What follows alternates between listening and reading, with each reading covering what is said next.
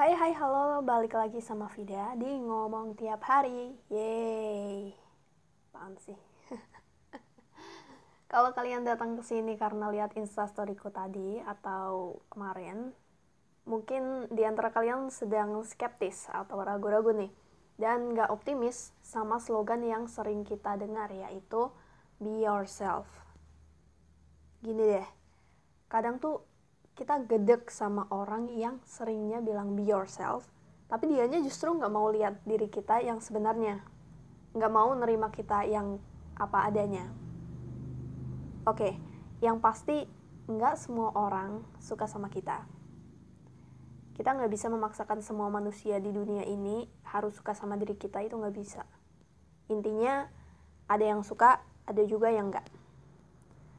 Mungkin dengan gampang orang bisa bilang, ya kalau dia nggak suka ya udah sih nggak usah temenan sama dia. Tapi yang dipermasalahkan di sini adalah kebanyakan dari kita adalah perbandingan yang suka dan nggak suka itu lebih banyak yang enggak.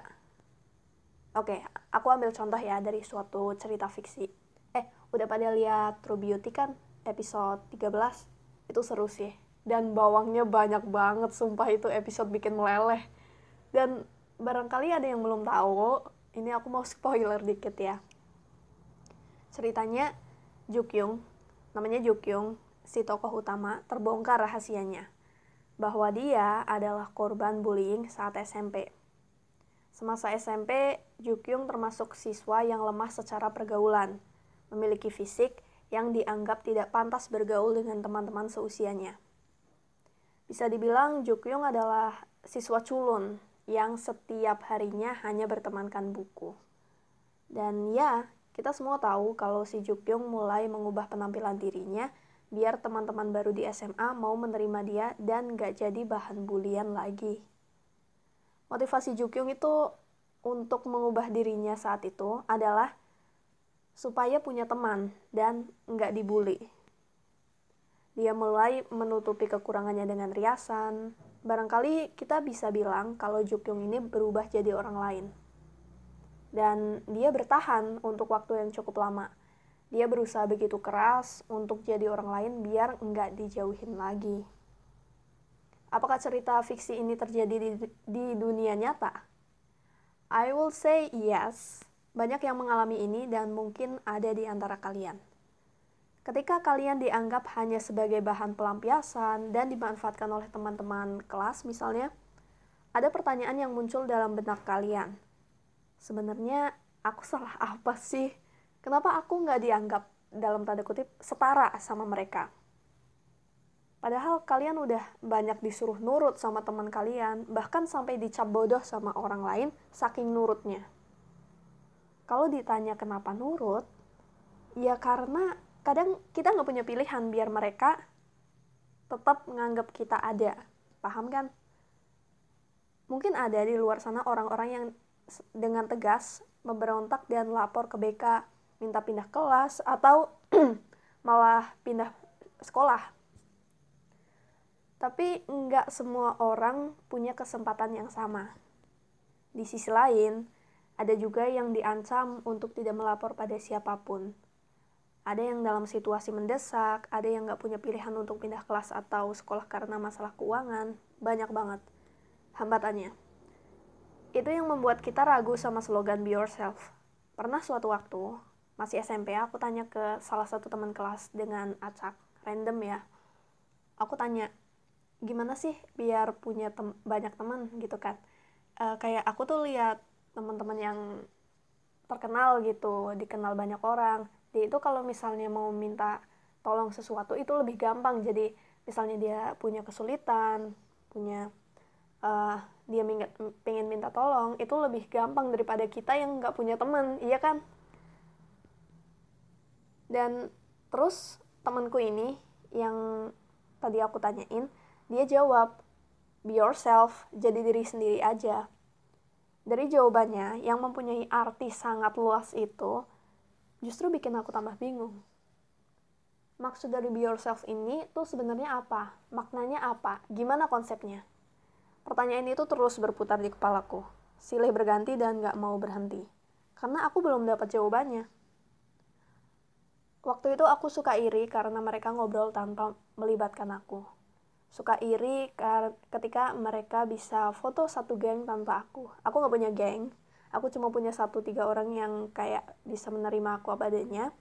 Tapi nggak ketiganya, uh, ketiga dari mereka itu selalu ada buat aku. Itu nggak nggak selalu.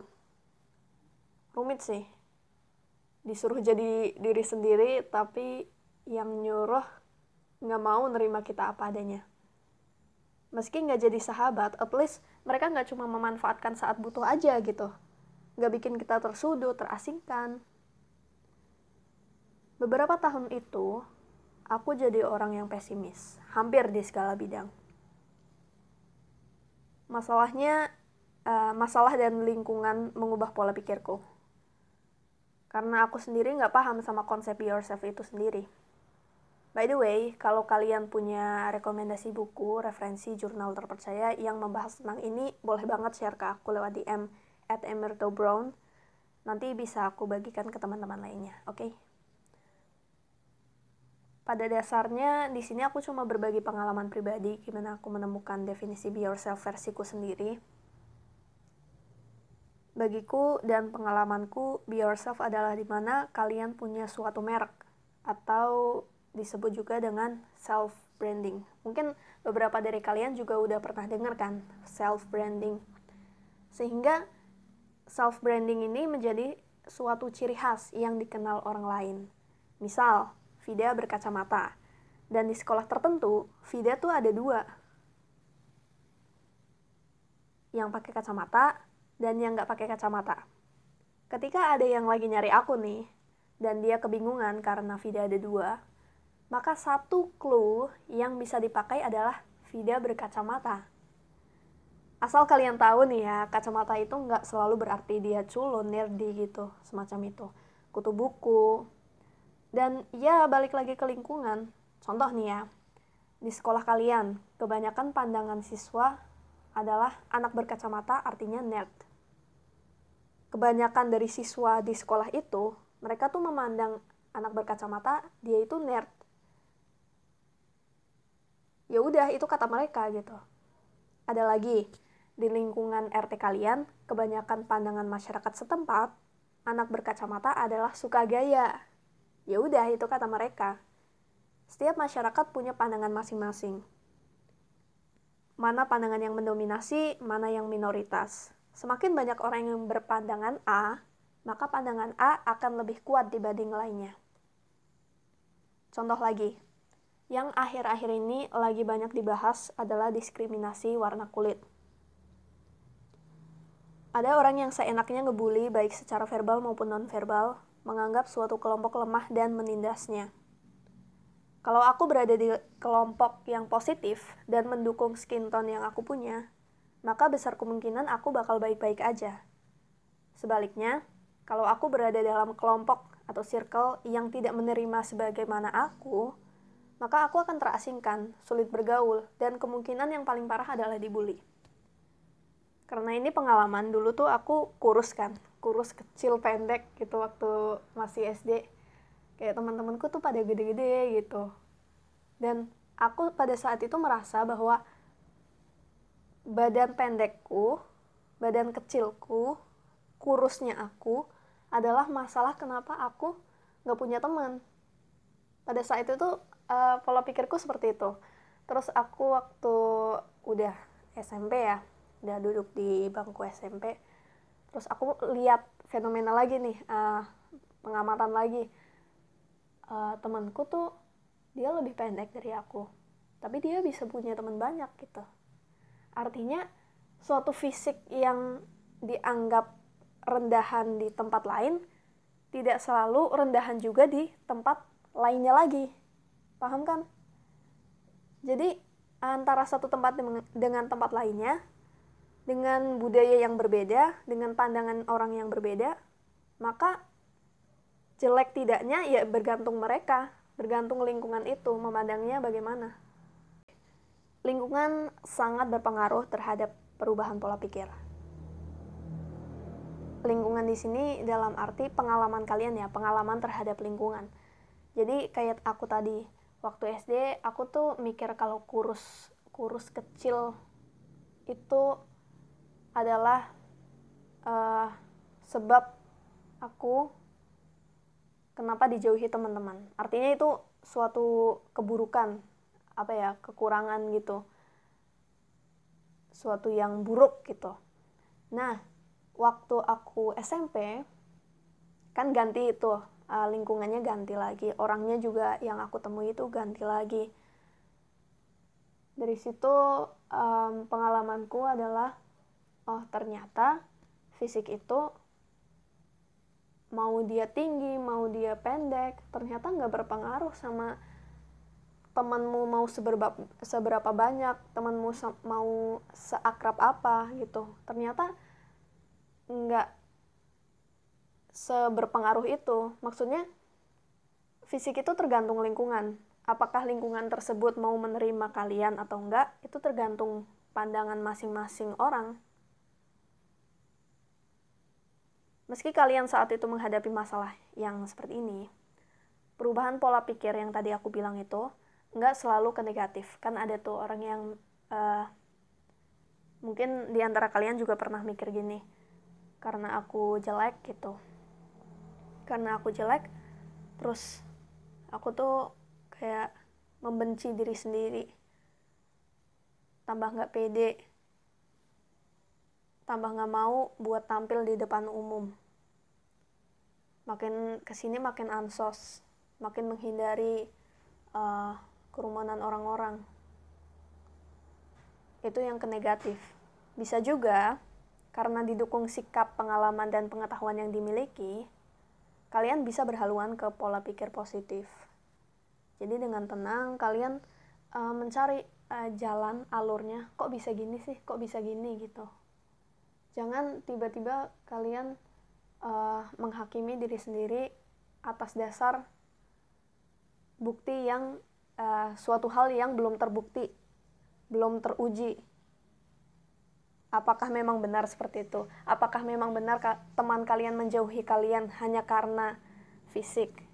Apakah di semua tempat kalian dibenci? Nah, itu yang perlu dipikirkan.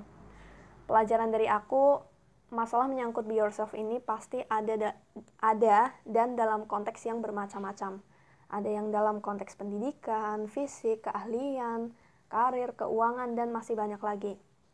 Dan dari masa-masalah yang dihadapi, kita nggak selalu bisa mengandalkan dan mengiyakan quotes-quotes yang tersebar di media sosial. Serius deh, kayak kita tuh terlalu memasukkan banyak informasi yang sebenarnya ada yang penting, ada yang enggak. Kita tuh nggak bisa memisahkan antara yang benar dan enggak gitu.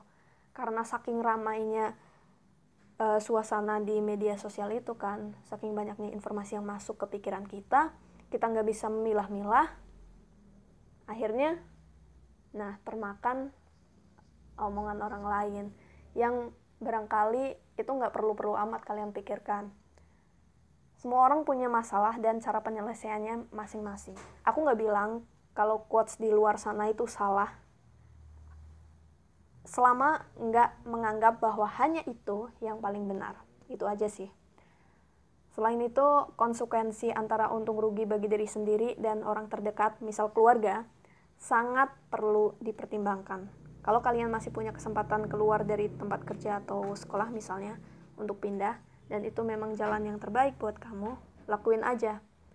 Tapi kalau itu bukan jalan terbaikmu, setelah berbagai pertimbangan, pasti ada jalan lain yang belum kamu ketahui saat ini. Kadang situasi yang pahit bisa kita ingat di masa mendatang, bahwa tanpa itu kita nggak akan punya pola pikir seperti sekarang. Bagi aku pribadi, mindset itu berharga. Sebab pola pikir akan menentukan keputusan bagi kehidupan kalian di masa depan. Untuk percaya atau enggak, itu balik lagi ke diri masing-masing karena cerita ini dibagikan untuk ngomong tiap hari. Aku Vida and I'll see you soon. Bye.